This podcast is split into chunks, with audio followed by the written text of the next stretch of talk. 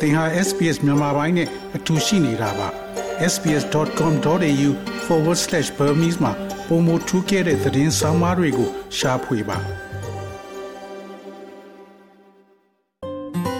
SBS မြန်မာပိုင်းကို အင်ကာနဲ့စနေနေ့ည10:00နာရီမှနားဆင်နိုင်တယ်လို့အွန်လိုင်းကနေလည်းအချိန်မီနားဆင်နိုင်ပါပြီ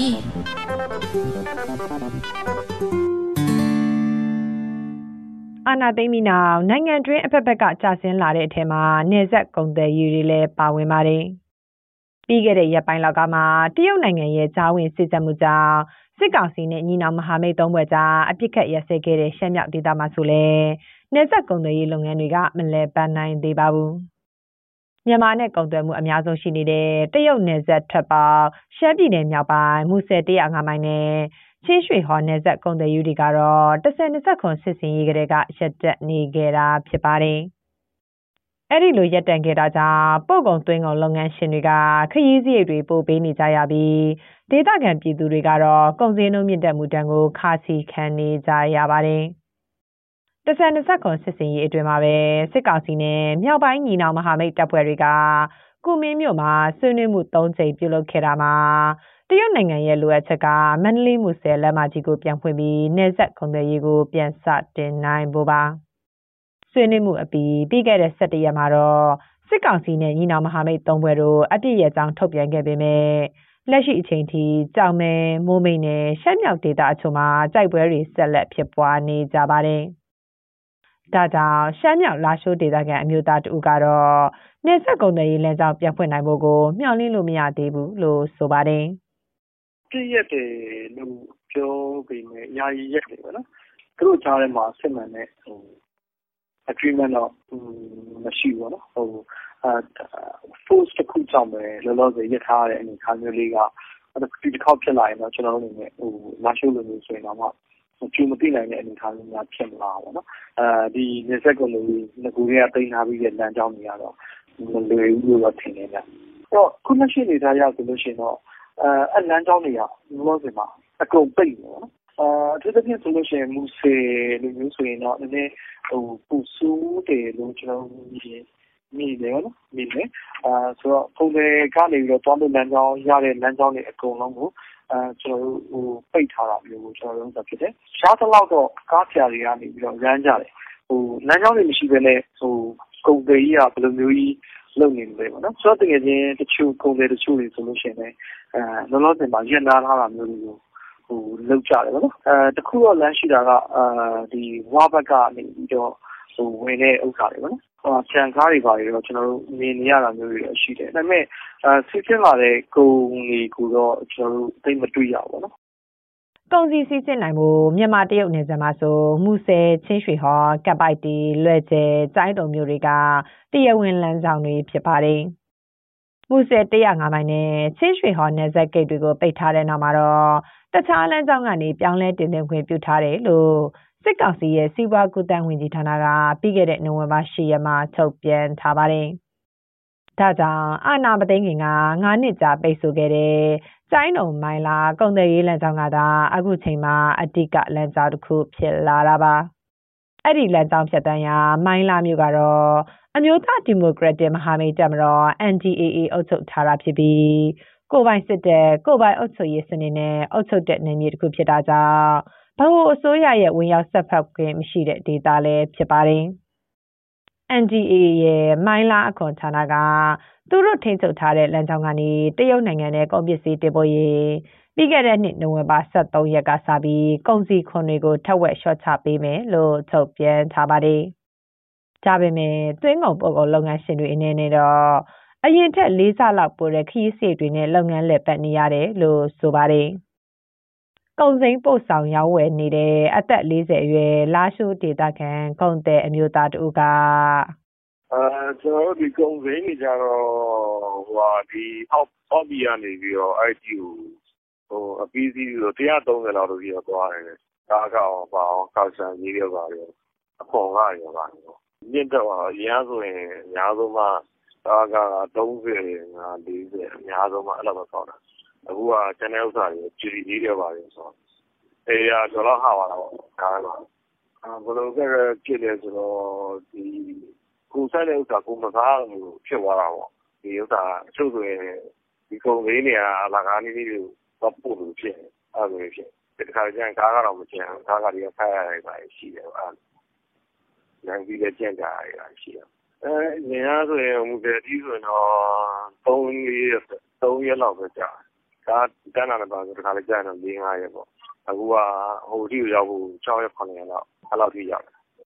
မြန်မာတရုတ်နယ်စပ်ကုန်သွယ်ရေးလမ်းကြောင်းတွေကနေပဲပြောင်းနှံနဲ့လက်ထွက်ပစ္စည်းတွေအပြင်ကနန်ငရှင်တွေလိုမျိုးရေထွက်ပစ္စည်းတွေကိုပါအများဆုံးကုန်သွယ်ကြတာပါတရုတ်နှစ်ခုကာလမှာဆိုရင်တော့မြန်မာဘက်ကနေတရုတ်နိုင်ငံကိုတစ်တီးတင်သွင်းမှုမြင့်တက်လေးရှိပါတယ် ပြီးခဲ့တဲ့ဇန်နဝါရီလအစောပိုင်းထိဖရဲတခွားမွေးငပြောစတဲ့တစ်တီးတွေကို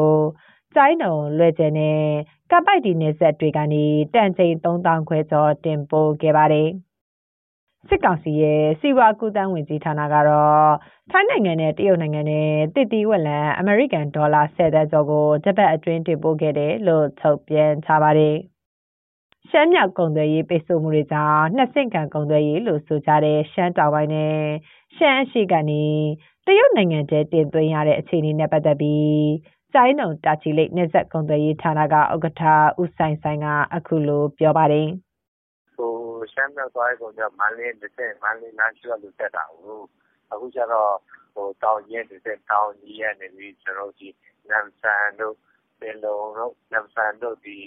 ဟိုကိုဟင်းတို့လည်းလာတာပါအဲဒါဒါတစ်ဆက်ဆက်ရှိလာတဲ့လမ်းဒီလိုပဲလာပါတယ်အရန်အရန်ကိုဒီနေ့ဆိုင်အရန်ကိုကောင်းပါတယ်သူထိုင်းနဲ့လည်းကောင်းတယ်တရုတ်နဲ့လည်းကောင်းပါတယ်။ပစိဖိတ်နယ်ကတော့ထိုင်းကိုအများဆုံးပို့တာပါ။ပြီးရင်တော့တရုတ်ပေါ့။လာအိုကတော့ပို့ရတာမရှိသလောက်ပါပဲ။ထိုင်းနဲ့တရုတ်ပဲအဓိကပို့ရတာပါ။အခုလက်ရှိကိုပဲတော်တော်ကောင်းနေပါပြီ။ရှေ့ဆက်ကတော့ပိုပြီးတော့ကောင်းတဲ့အနေအထားရှိပါတယ်။ စစ်ကောင်စီရဲ့စီးပွားကူးသန်းဝန်ကြီးဌာနစာရင်းတွေအရ၂၀၂၃-၂၄ဘဏ္ဍာနှစ်အတွင်းမူဆယ်၁၀၅မိုင်ကနေတလကုန်သွယ်မှုနှုန်းကအမေရိကန်ဒေါ်လာသန်း၂၀၀ကျော်ရှိနေတာပါ။ချင်းရွှေဟော်လမ်းကြောင်းမှာတော့နယ်စပ်ကုန်သွယ်ရေးတန်ဖိုးကတလကိုအမေရိကန်ဒေါ်လာသန်း၁၀၀ကျော်ရှိတယ်လို့သိရပါတယ်။ ဒါကြောင့်၁၀၂၇စစ်ဆင်ရေးကာလစတင်တဲ့၂လကျော်အတွင်းဒီကုန်သွယ်ရေးဂိတ်တွေကနေဒေါ်လာသန်း၅၀၀ကျော်အပြန်အလှန်နစ်နာဆုံးရှုံးနေတာဖြစ်ပါတယ်။စစ်စင်ရေးမစခင်မှာဆိုချင်းရွှေဟော်ဂိတ်ကနေတရုတ်နိုင်ငံနဲ့တင်ပို့မှုကအမေရိကန်ဒေါ်လာ9တန်းနီးပါးရှိခဲ့ပြီးမြန်မာနိုင်ငံကိုတင်ပို့မှုနှုန်းက23တန်းကျော်ရှိခဲ့ပါတယ်။ ဒါကိုကြည့်ခြင်းအပြင်တရုတ်ကနေမြန်မာကိုတင်သွင်းမှုက3ဆကျော်နေပြီးတရုတ်ဘက်ကတော့နေ့စဉ်ဆိုသလိုဝင်ငွေဆုံးရှုံးနေရတာပါ။တစ်ဖက်မှာတော့တရားမဝင်လမ်းကြောင်းတွေကနေတရုတ်ကုန်ပစ္စည်းတွေရောက်ရှိနေပေမဲ့ဈေးကြီးပေးဝယ်နေရတယ်လို့ဒေသခံတွေကဆိုကြပါတယ်။ပြည်내တွင်ကြုံတွေ့ရတဲ့အခြေခံလူဒန်းစားတွေရဲ့အခြေအနေနဲ့ပတ်သက်ပြီးရှမ်းမြောက်ဒေသခံအမျိုးသားတဦးကဒီ မှာကကောင်းကျိုးကိုဆူကျူကိုနှစ်ခုလုံးရှိနိုင်တယ်လို့ထင်တယ်အရင်တော့ကတော့ကျွန်တော်တို့ရဲ့ကုန်စည်စစ်ဆေးမှုတွေကတရုတ်ပြည်ကိုနည်းနည်းမိကိုအားထားရပြီးတော့သွားရတာမျိုးရှိတယ်။အဲ့အတွက်ကြောင့်ဥမာဆိုရင်ဆန်တွေဆိုလို့ရှိရင်ဒေသတွင်းမှာဆိုလို့ရှိရင်တရုတ်ပေါက်ဈေးပေါ်မှာမူတည်ပြီးတော့ဒီလိုကြောင်းလဲတာမျိုးရှိတယ်။ဥမာချက်သားလို့ပါလို့ပေါ့နော်။အဲ့လိုမျိုးလေးတွေကအစဒီလိုမျိုးဥစ္စာလေးတွေရှိတယ်။ဈေးနှုန်းကတက်လာတယ်ဆိုတဲ့ဥစ္စာတွေကမှန်တယ်။ဒေသတွင်းမှာရှိတဲ့အကြောင်းအရာတွေကကြတော့အခုချိန်မှာကြတော့ဟို ဘာဖြစ်သွားလဲဆိုတော့ဈေးကပြန်ကျသွားတယ်။အထူးသဖြင့်တော့စားနပ်ရိက္ခာလိုမျိုးပေါ့ဆန်တွေပေါ့နော်ဆန်တွေဆိုလို့ရှိရင်တော့မြန်မာပြည်ဘက်ပိုင်းကနေယူယူရတဲ့ဆန်တွေဘာတွေကတော့ဈေးဈေးတက်နိုင်တယ်သို့တော့အဲဒေတာတွင်းဆန်တွေကကြတော့ဥပမာအဲ၈ပေါင်း9တောင်းလောက်ရှမ်းဆန်တွေဆိုလို့ရှိရင်ကျွန်တော်တို့ပုံမှန်စားနေကြဆန်တွေဆို၈ပေါင်း9တောင်းလောက်နဲ့နေကြတယ်ပေါ့နော်ဘယ်ဘယ်ဥစ္စာတွေကဈေးတက်လဲဆိုပြပနေဝင်လာတဲ့ဥစ္စာတွေကဈေးတက်တယ်ပေါ့နော်အဲ့တော့ခုနေသားမျိုးမှာတော့လူတွေကဒီချိန်မှာဆိုလို့ရှိရင်ဟိုလောက်ကင်တွေကမရှိတော့တဲ့အချိန်ကျတော့ အရန်ကြီး ကျွန်တော်တို့ ဒီရှမ်းရဘက်ပိုင်းမှာတော့ အရန်ကြီးဥစ္စာမဖြစ်ပြီးမဲ့လူတို့တွေရဲ့ အလုတ်ကရှားပါမှု ပြဿနာလေးတွေက နည်းနည်းဟိုပူဖြစ်လာတဲ့အပေါ်မှာ မူတည်ပြီးတော့ ခက်ခဲလာတယ်လို့တော့ ကျွန်တော်အနေနဲ့ မြင်ပါတယ် တရုတ်မြန်မာနယ်စပ်ရဲ့ အဓိကကျတဲ့ ကုန်သွယ်ရေးလမ်းကြောင်းတွေ ဖြတ်တောက်ခံထားရသလို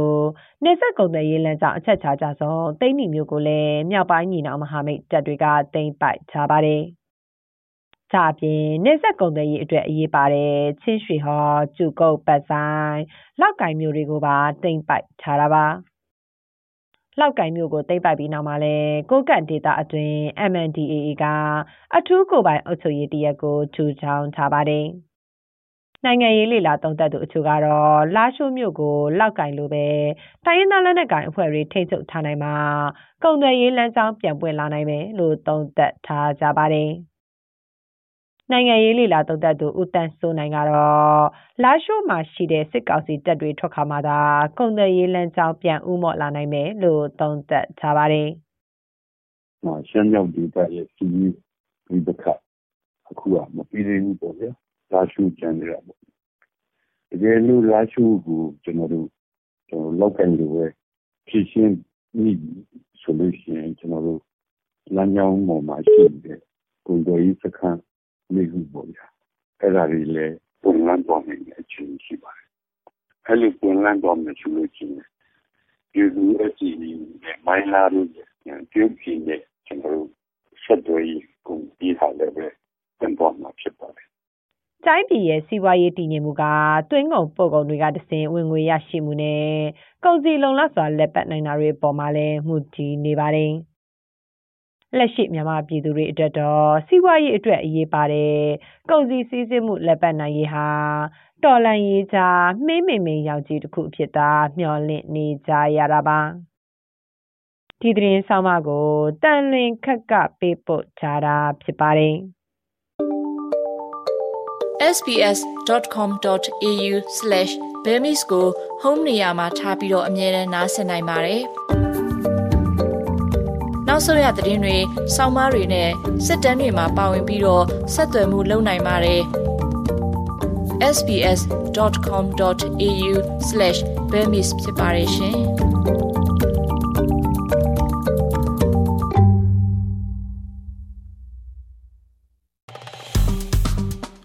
SBS မြန်မာပိုင်းကို Facebook ပေါ်မှာ like ရှာပြီး like မျှဝေမှတ်ချက်ပေးပါ။